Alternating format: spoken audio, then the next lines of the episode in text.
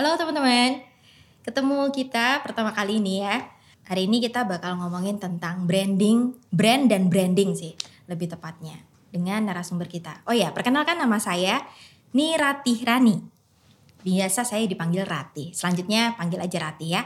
Jadi sekarang ini kita ngomongin tentang brand dan branding dengan dua narasumber kita. Oke. Halo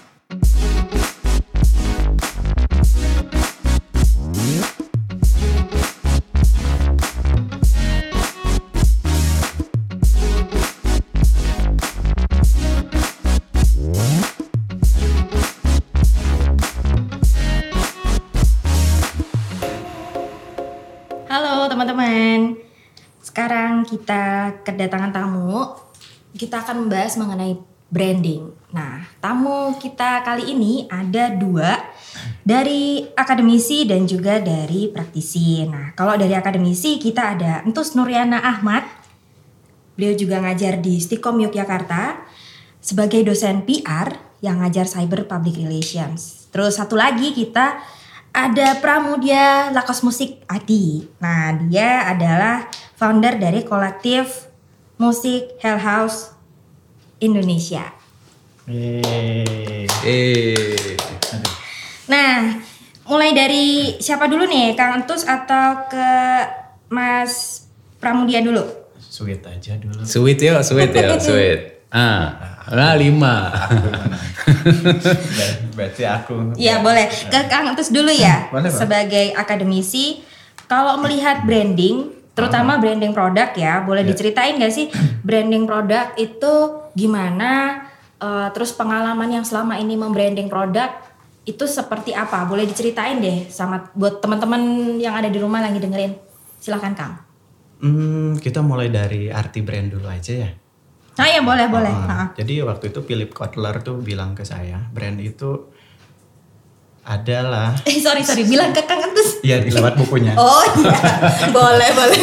Eh, Oke. kadang-kadang suka lucu gitu deh. Boleh boleh. ha. Gimana? Jadi dia bilang lewat bukunya gini, brand itu adalah simbol, kemudian tanda dan rancangan. Mm-mm.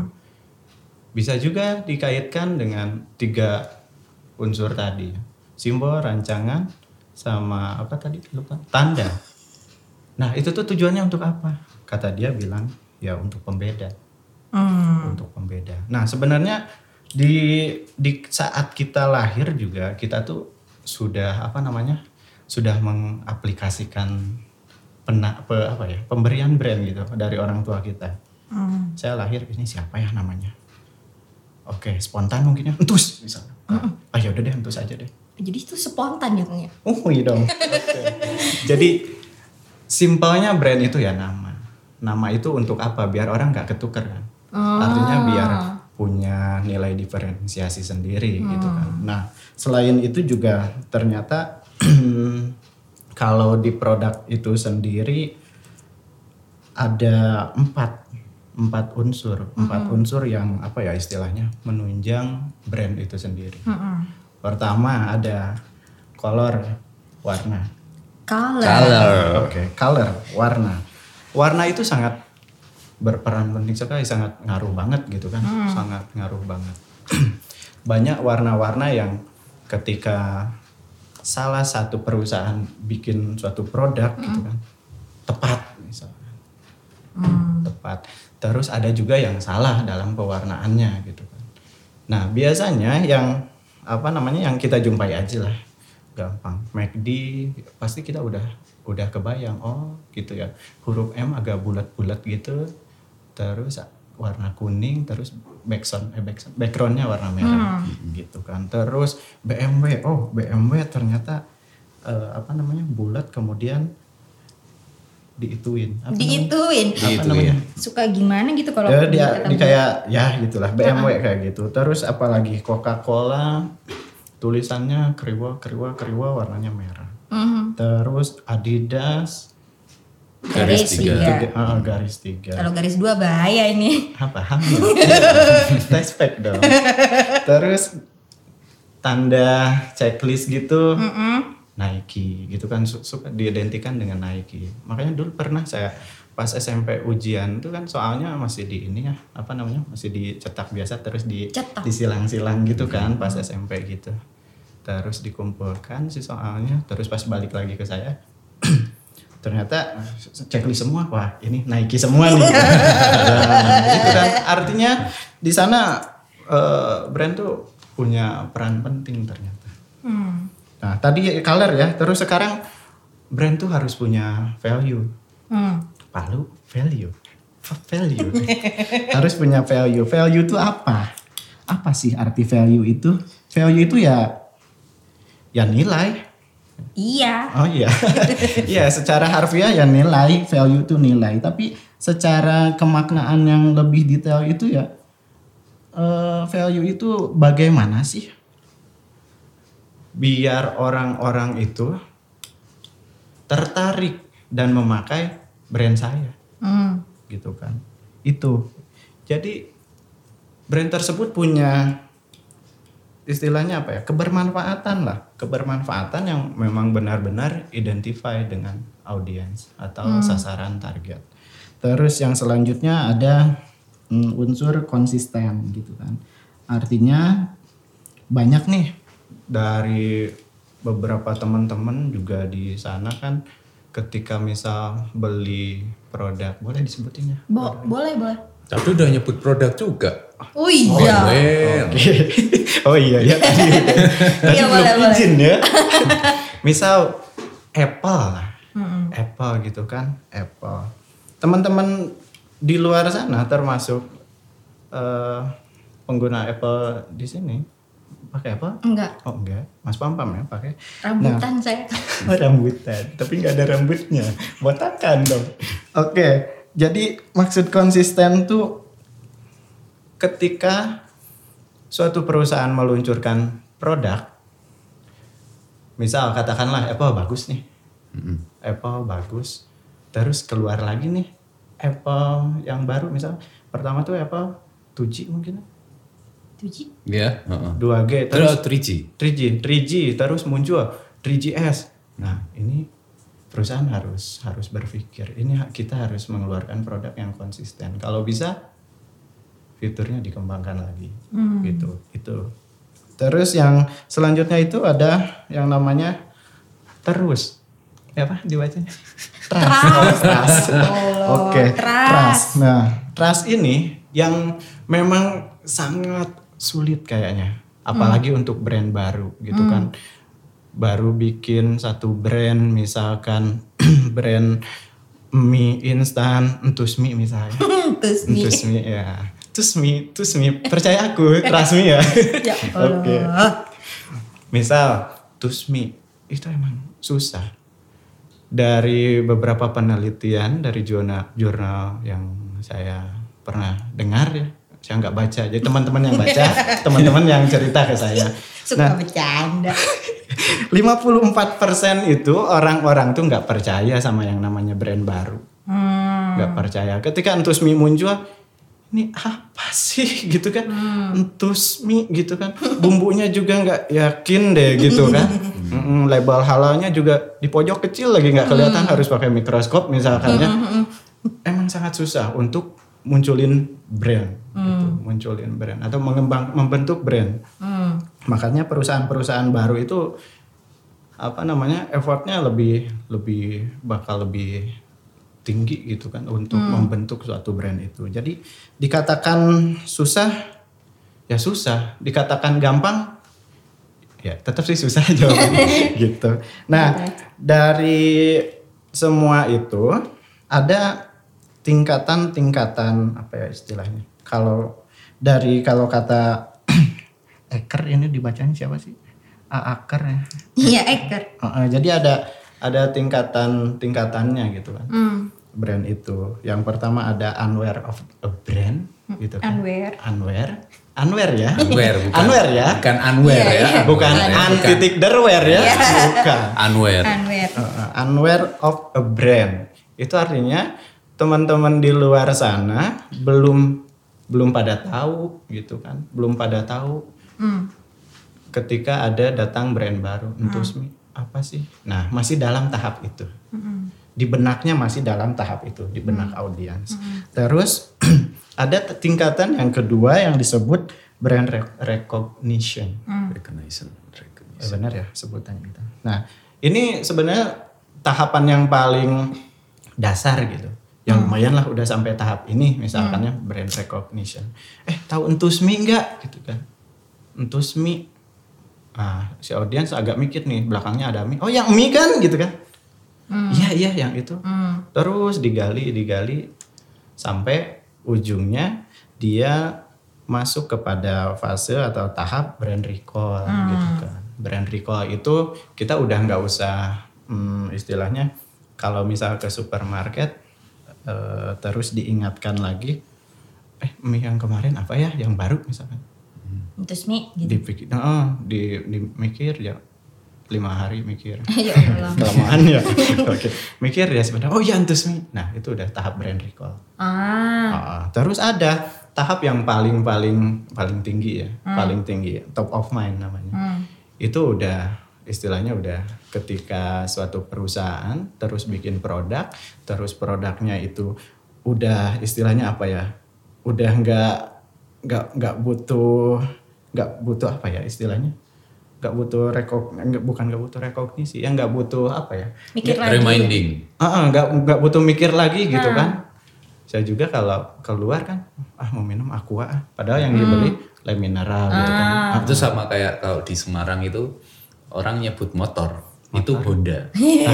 Iya kan? Mungkin di Jogja juga kayak gitu ya. Honda Vino. Honda. Oke. Ya, jadi top of mind itu tingkat paling tinggi dan itu tuh brand tuh udah udah auto Ya. auto debit Iya. gitu kayak auto udah udah auto- otomatis melekat gitu di dalam si benak konsumen ini gitu kan. Pokoknya kalau mie entus gitu ya. Iya, Mie. mie Kalau mie. Odol eh odol, odol juga merek kan ya. Pepsoden, Ah, ah. odol tuh pep- Pepsoden. Pasta gigi Langsung Pepsoden, Pepsoden gitu kan. Beli Pepsoden dikasihnya Oh, close close up. up. Iya, iya sama. Beli close up di foto. Segini ya. Tiga kali empat dong. Kayak bikin Iya. KTP. jadi jadi gitulah. Jadi gitu. Top of mind tuh gitu ya. Tadi ya salah satu contohnya ya aqua gitu kan. Mau minum ya pasti bilangnya aqua gitu kan. Dikasih lem mineral juga meskipun ada manis-manisnya ya Tetap aqua ya. Tetap aqua.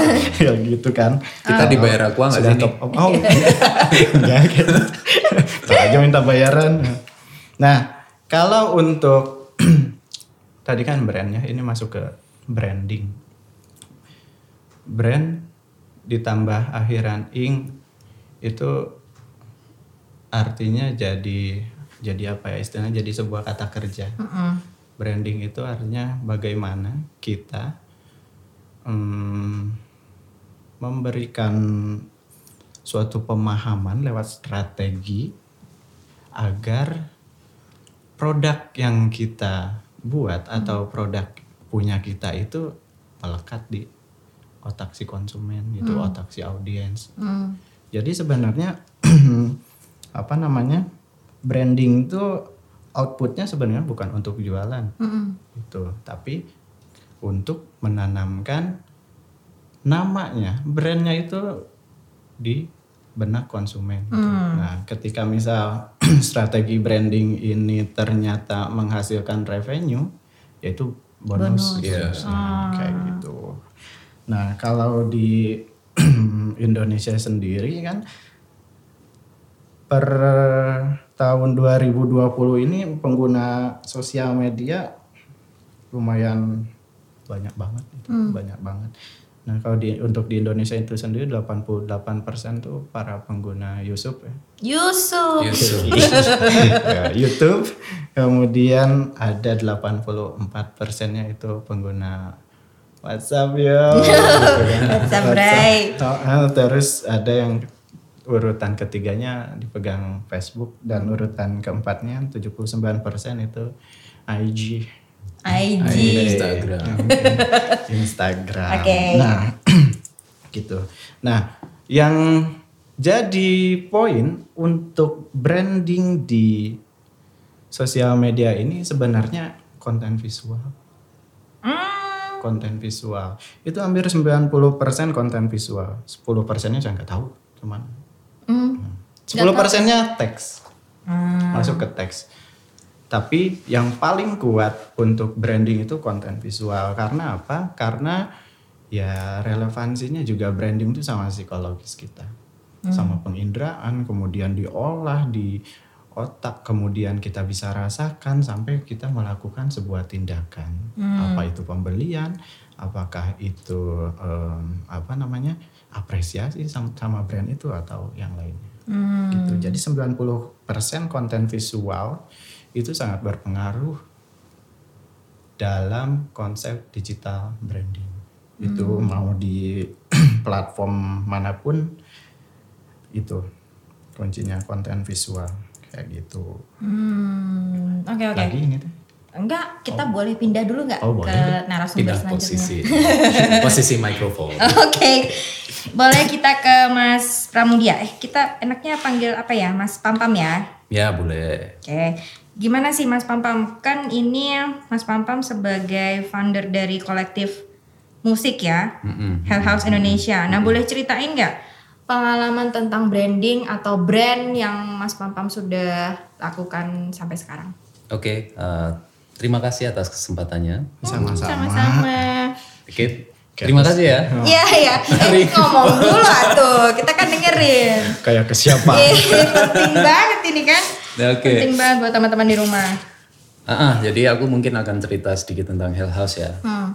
Jadi Hell House itu sebuah kolektif musik yang di dalamnya ada beberapa uh, seniman, Uh, nggak hanya musik ter- uh, sebenarnya. Jadi kayak ini pakai bahasa campur nggak Oh, apa-apa ya? boleh, boleh, boleh. Jadi kayak uh, tempat hulan gitu, tempat main. Jadi di situ ada, tapi kebanyakan sih ber- kita berawal dari uh, musisi gitu. Terus mencintai satu genre tertentu, yaitu musik hip hop gitu. Terus ad- uh, kalau sepermainan dulu itu memang uh, kita jujur berasal dari jalanan ya ada yang jambret lah, ada yang sukanya mabuk lah, ada yang eh macam-macam gitu. Tapi memiliki ketertarikan yang sama terhadap musik dan mereka berasal dari disiplin disiplin seni masing-masing. Ada yang street art, ada yang musisi beneran, terus kemudian ada yang kalau maling itu seni bukan ya? Mungkin sih, kadang-kadang kan juga dia milih-milih kan ya. Jadi Yes, ada perpindahan barang dari Iya. orang satu ke yang Nah itu seni Seninya berpindahnya itu ya harus dipikirkan.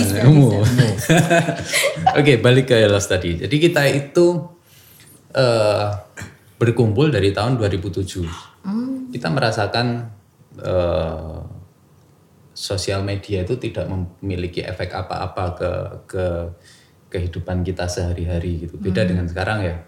Itu kan kita seperti sudah membutuhkan sosial dan bla bla bla. Nah, kita itu kolektif itu besar di saat belum ada sosial media. Jadi dan kita punya kesadaran bahwa wah, kita punya karya-karya yang oke, karya musik yang oke yang yang layak untuk orang-orang tuh tahu. Kalau dulu tuh kanalnya hanya posting lagu di Reverb Nation apa ini belum ada Facebook masih oh, Friendster aja masih kayak gitulah. Eh, itu kita rasa nggak efektif.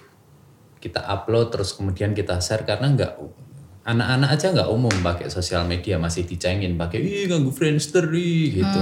Karena- Karena kita semua gali you know, tatoan ra enak eh. Gak tahu kalau ternyata sekarang penting ya. Ya.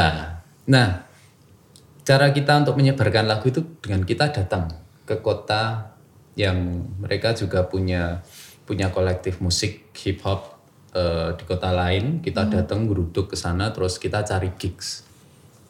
Itu dari Jakarta sampai Surabaya. Kita pendekatan secara kolektif eh, secara personal ke kolektif-kolektif gitu. Mulai nama dikenal mulai Hell nama Hell House gitu. Hell House ki apa? Oh kumpulan anak-anak kayak gini kayak gini gini gini. Tapi seiring berkembangnya waktu ya kita kan eh, masing-masing orang itu memiliki memiliki passion untuk menjadikan Hell House itu besar.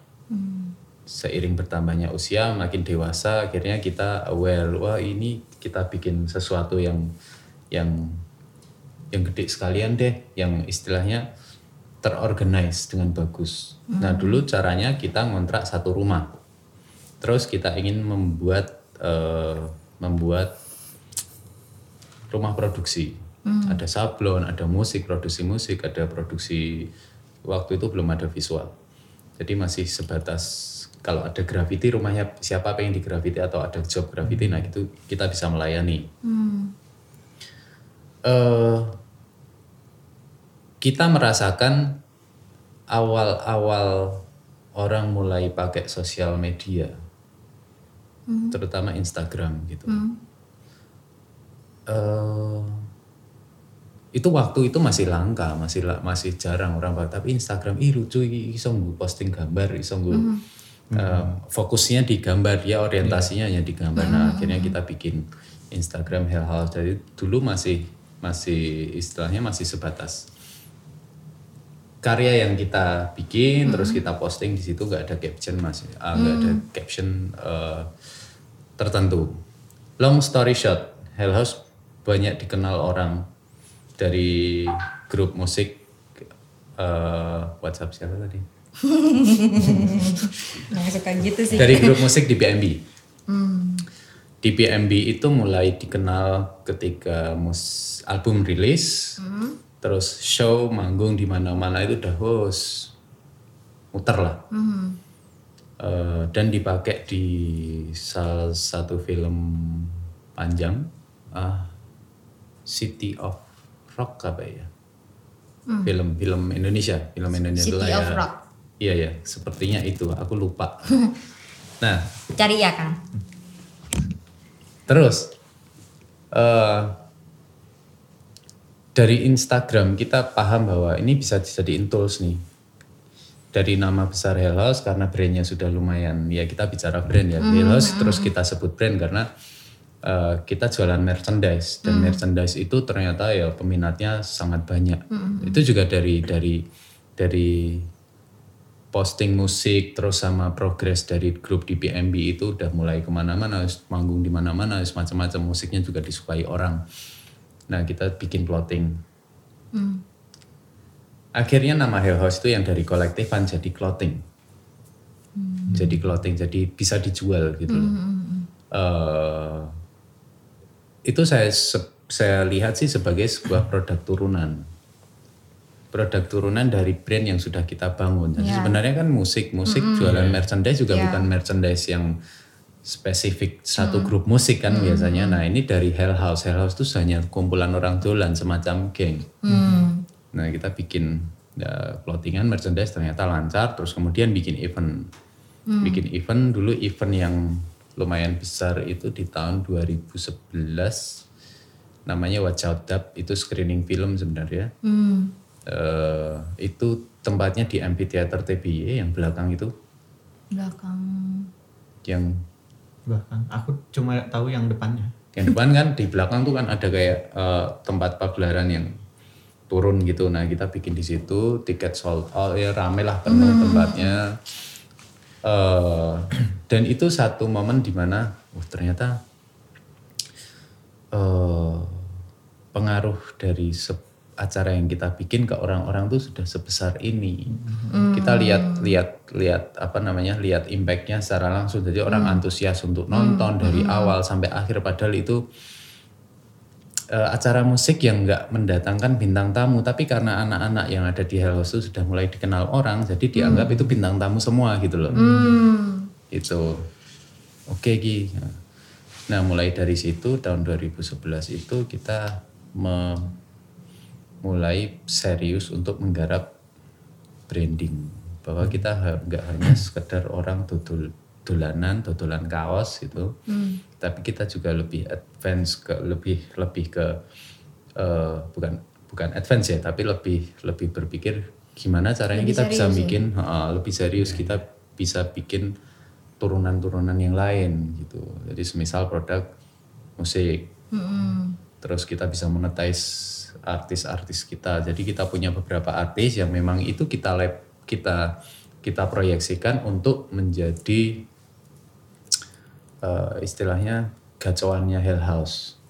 Jadi kita punya Mario Zwinkel di BMB, terus dan ada ini yang baru lagi di lagi di eh, istilahnya jadi bibit baru itu Optimus Optizilla itu dari Australia orang Indonesia tapi yang ke Australia. Nah,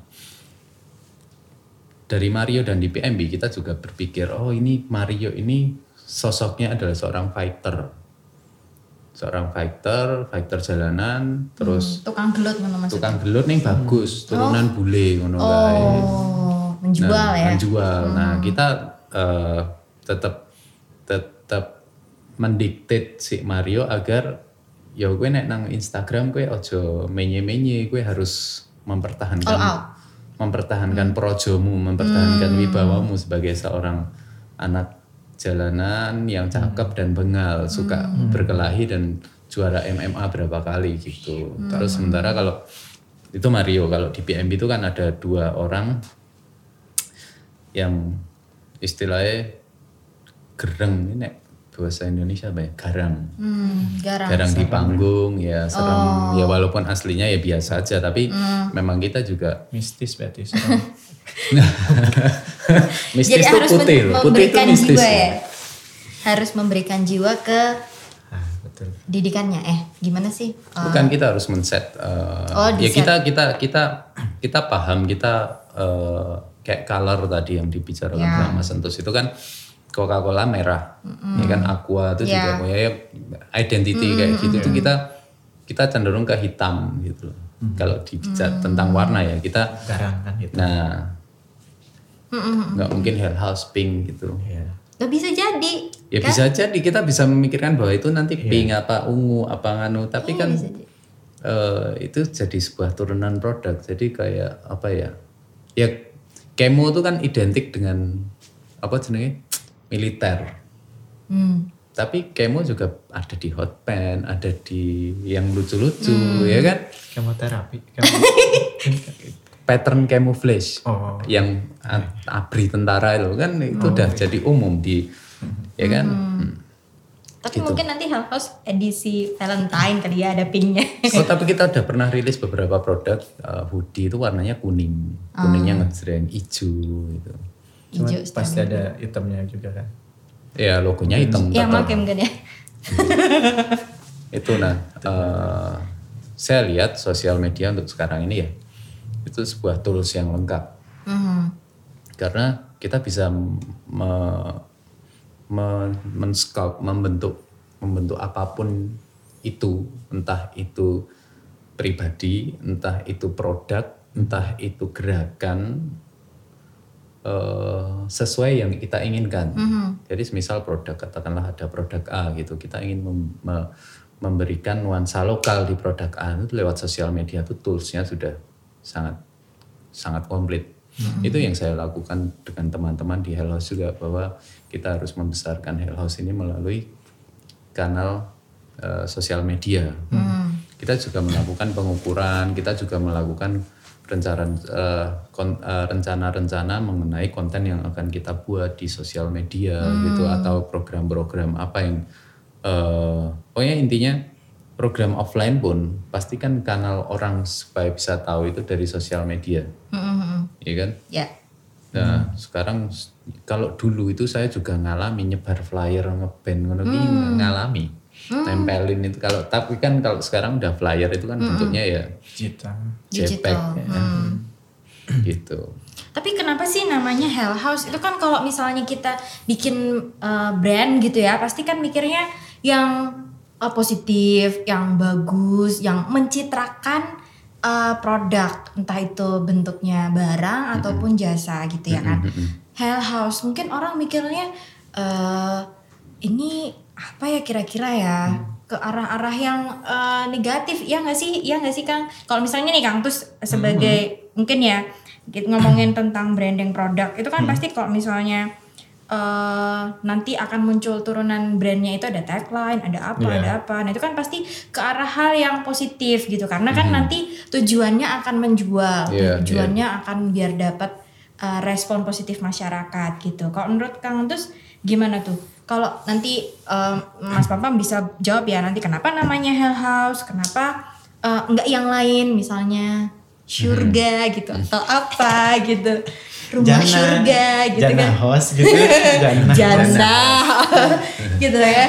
Gimana kalau Kang terus komentarnya? Eh, kalau saya pribadi sih brand atau apa ya? Ya brand itu sendiri ya perlu dibuat personality gitu meskipun brand itu benda mati tapi ya harus seolah-olah hidup.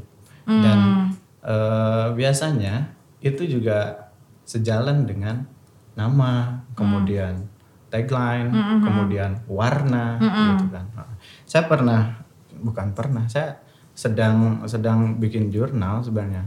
Cuma belum beres aja belum belum rampung semua. Mm. sedikit lagi tiga Sedikit aja? Oh, tiga kata lagi susah banget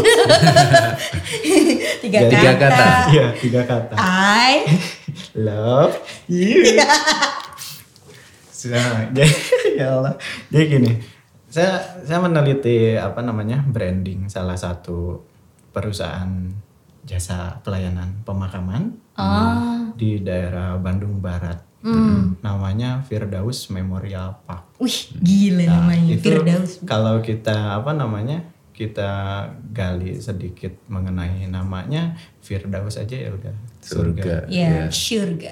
Memorial tuh apa sih memorial? Memorial Park itu jadi Oh, satu. ya. Memorial Park itu kan mm, Memorial istilahnya wah taman surga. gitu. Iya. Taman surga. Terus warna logonya juga ungu. Hmm. Ungu Janda. itu Bukan. Suka gitu deh. Suka janda gitu deh. nih. Suka janda. Eh jangan. kalau dalam dalam beberapa apa namanya? Dalam beberapa Duka ya. penelitian ya ungu tuh cenderung ke arah religius. Oh, oh. Religius. Terus eh, apa namanya? Mereka juga me, apa ya istilahnya?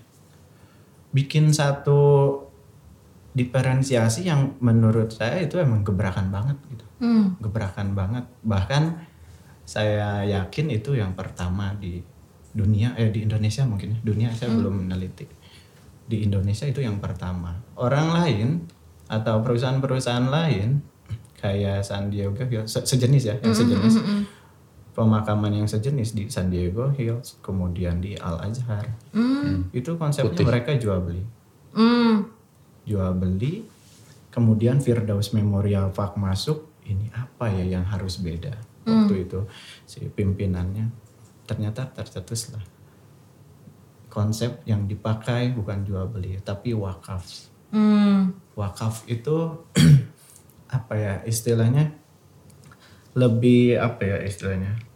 Lebih kebermanfaatannya tuh kan emang emang terus menerus ya dalam Islam kan ada beberapa amal baik yang tidak, Tidak akan putus. pernah putus gitu. Salah satunya amal jariyah nah turunan dari amal jariyah itu ya wakaf itu. Nah mereka apa ya istilahnya? Brainstorming apa sih?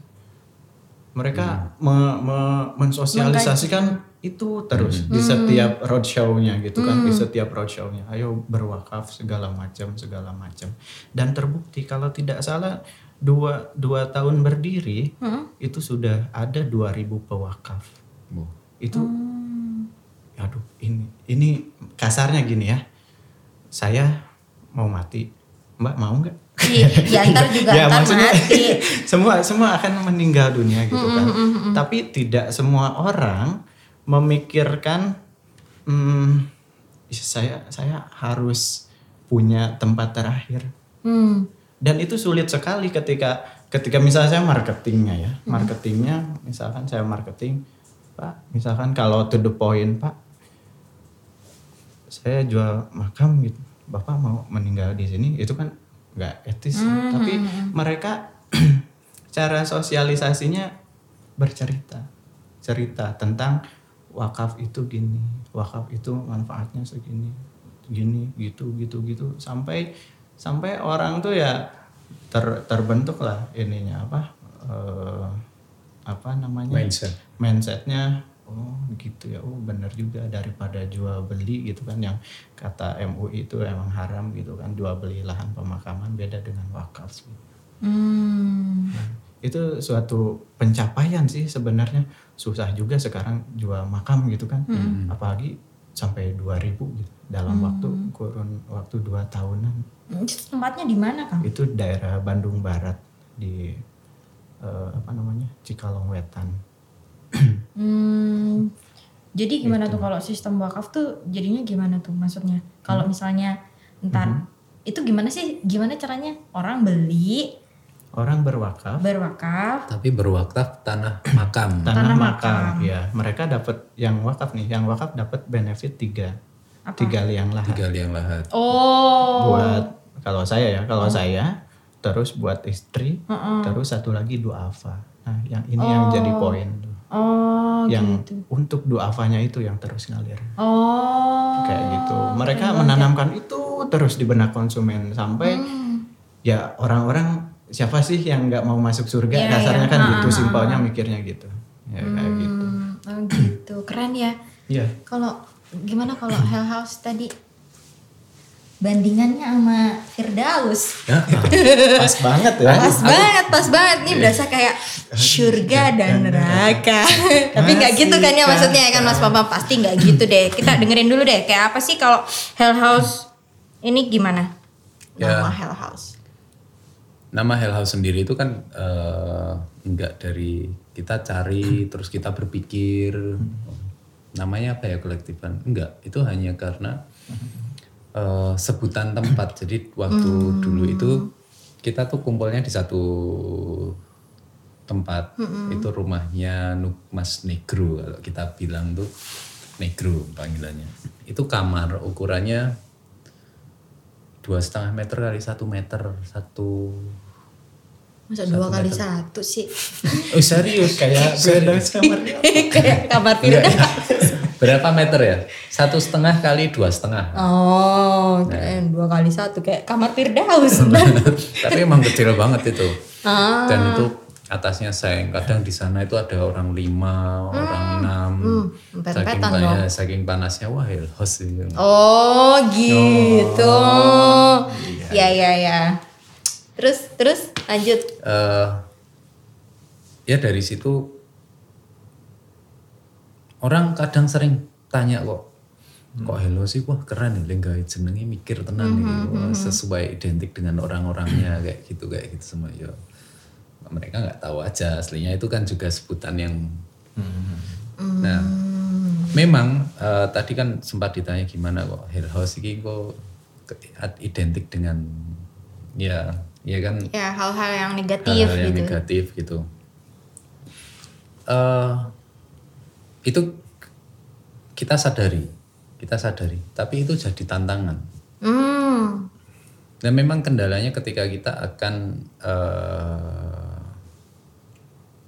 secara profesional berbisnis dengan pihak yang yang kadang mempermasalahkan masalah nama gitu. Nah kita tapi sudah punya solusinya kita buat sebuah perusahaan dengan nama yang lain, namanya Rumah Cerah. Wih, udah ada matahari sekarang. Nerakanya terang. untuk untuk yang legal-legal sebenarnya. Tapi kalau untuk musik memang kita sudah dikenal di seluruh Indonesia ya buat yang senang hip hop ya. Nama itu itu udah nggak mungkin kita kita Ganti. rubah eh, karena eh, ya kita juga udah punya hand sign-nya seperti ini. Oh, gile. Nah, punya hand sign. Oke. Ini juga logo ini udah nggak mungkin dirubah. Ini aslinya logo ini berubah sekali. Oh. Nah, aslinya logo yang asli itu ini ini kalau kita separuh gini, ini kan bentuk rumah. Oh iya. Nah, dulu terbakar, rumah itu terbakar, tapi ah kok kesannya ribet banget ya udah deh dibikin H aja dari rumah, ini rumah, terus kemudian nah, Iya. iya, Betul betul. gitu. Rumah jadi pengen pulang. Terus Yuk. Rumah yang mana? Rumah peristirahatan. ya Allah. Jangan gitu dong. Terus terus terus. Nah, eh, sebenarnya kita juga pernah tersandung masalah yang lumayan besar gara-gara nama. Hmm. Jadi kita kan besar di daerah Wijilan, di dekat alun-alun utara. Eh utara ya. Jilang. Iya. Oh iya utara. Nah, kita sering bikin event, eh, event musik itu beberapa kali ada rap of the ring dan sebagainya. Itu ngeblok jalan Wijilan yang notabene kan itu jalan termasuknya sangat ramai kan di Gelembung Wijilan sampai ya. Itu kita perempatan itu kita tutup. Jadi dari utara nggak bisa lewat, dari selatan nggak lewat, bisa lewat. Acara terakhir yang kita bikin itu adalah program namanya It's Vigilant. It's Vigilant itu kita berpikir untuk uh, giving back ke community gitu. Bahwa kita Hell House itu tumbuh di Vigilant, gitu, besar di Vigilant, bahkan diberi diberi space oleh masyarakat sana untuk kita berkreasi gitu. Nah kita ingin meninggalkan sebuah acara fair gitu uh, yang bisa dijalankan oleh pemuda sekitar. Jadi sekiranya kita sudah tidak makanya kita kita nggak nge-label ini Hell House aja tapi nggak ini It's Vigilant. Nah kita ingin bikin kayak fair-fair mungkin ada daerah yang memiliki fair khusus daerahnya sendiri kayak kalau di Condong Catur tuh dulu ada Pohrubo fair gitu. yang itu ngeblok jalan di daerah sekitar Pogung. Eh ya. Nah kita ingin ingin seperti itu. Jadi Vigilant punya fair sendiri gitu. Nah fair itu nggak hanya sekedar fair ya, tapi selama seminggu kita ngasih workshop ke anak-anak kecil di situ. Karena kita sadar penggemar kita juga nggak dari kalangan remaja, tapi juga anak kecil yang sering mendengarkan lagu kita tuh banyak gitu. Eh, nah kita memberikan workshop ke anak-anak kecil usia TK sampai SD. Jadi workshop itu selama seminggu anak-anak kecil diajarin bikin lirik, bikin musik, sampai dia perform di acara eh, It's Vigilant itu, Big Dan itu musik bikinannya sendiri. bikinannya sendiri Iya, dan udah rekaman. Hmm. dan orang-orang tua mendukung. Dan waktu perform itu memang memang sangat rame sangat orang tuh takjub gitu. Oh ini bocah-bocah kene wingi urung iso nyanyi saiki wis iso manggung. Dan orang tuanya pun juga juga merasakan bahwa oh anakku yo wani yo manggung ternyata. Dan dia punya nggak malu lagi gitu. Bahkan ada statement orang tua di sana kalau uh, sempat melihat dokumenter It's Vigilant itu bahwa nggak peduli orangnya tatoan lah mabukan lah tapi yang jelas mereka punya niat baik untuk komunitas ini community gitu Hmm, Oke, Nah. keren banget. dari situ kita anggap uh, program itu bukan branding ya, tapi sebenarnya uh, ya tetap branding, tetap branding. Tapi secara niatan kita tuh sama sekali tulus untuk memberikan kembali. gitu. Nah itu tadi kita balik ke masalah Hell House. Dari acara yang sangat indah itu. Ya. muncul sebuah muncul sebuah in- bukan insiden tapi eh, pemaksaan kepentingan apa ya.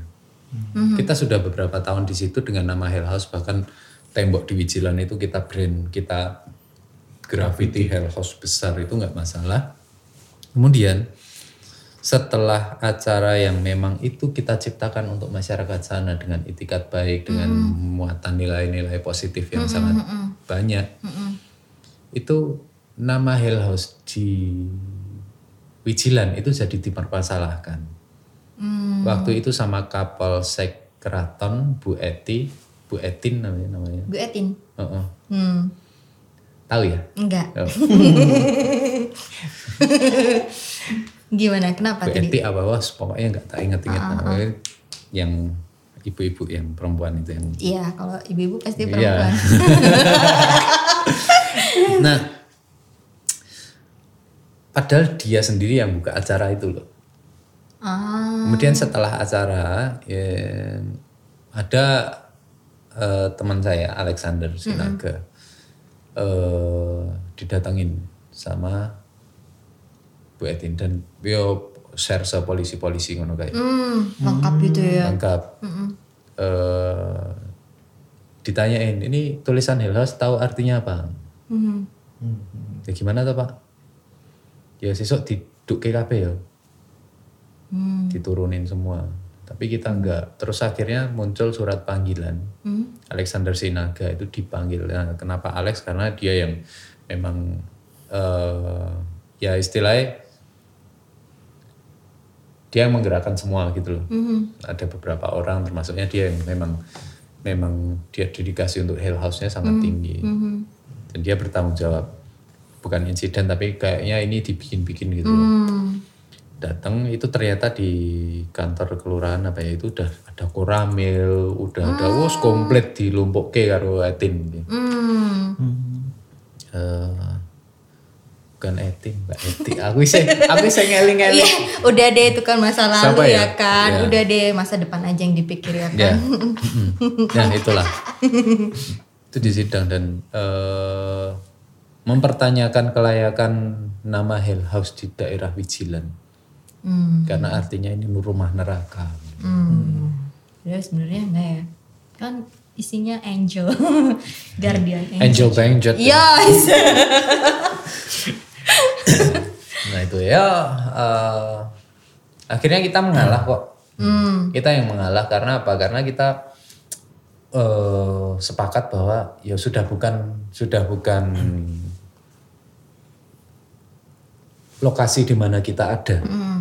Tapi bagaimana kita menyebarkan nama Hell House, produk ya bukan produk tapi campaign-campaignnya gitu lewat sosial media. Hmm, berarti sekarang udah nggak di dong? Udah nggak? Di mana? Sekarang di Jalan Banteng sana itu. Banteng Kalau kata kata kalau kalau kata anakku, banteng apa ya? Ya. Banteng apa? Ya. Banteng perkakas. Kirain Banteng- banteng moncong putih bukan ya? nah kayak gitu. Ya lewat sosial media kita bisa lebih fleksibel. Ah. Kita mau mau membuat apa, kita mau tetap tetap muatan kita juga eh, nggak hanya sekedar musik tapi juga ada audio, visual, edukasi bahkan kita bikin podcast. Sampai seri 6 tuh isinya juga membahas tentang eh, personal branding tentang nggak nggak melulu sekarang memang nggak nggak musik aja ya? nggak musik aja karena kita sadar bahwa ada banyak produk turunan yang bisa kita kembangkan setelah kita punya brand yang memang sudah tertanam kuat di gitu. Jadi kalau ya benar tadi kalau semisal Hell House mau dibikin pink, nggak mungkin nggak laku, Iya. pasti laku. Iya sih. Gitu. Namanya aja ya Hell House. Iya. Mhm. Kan udah ada rumah cerah. Pengen pulang. Ya, kalau gitu karena waktunya kita terbatas ya, dan teman-teman juga biar nggak jenuh gitu dengerinnya kita, kita ngobrol asik di sini akan akan ada sesi selanjutnya nih kalau teman-teman mau dengerin. Betul. Nambah informasi, nambah pengetahuan, terus teman-teman juga bisa sambil tiduran gitu dengerin kita yang suaranya lumayan gitu ya. Hmm. Nah, kalau boleh saya simpulkan nih dari Kang Untus tadi mengenai brand itu ada color, itu warna yang membedakan dengan brand-brand yang lain gitu. Jadi setiap kali lihat warna itu itu cerminan dari brand itu, ya kan Kang?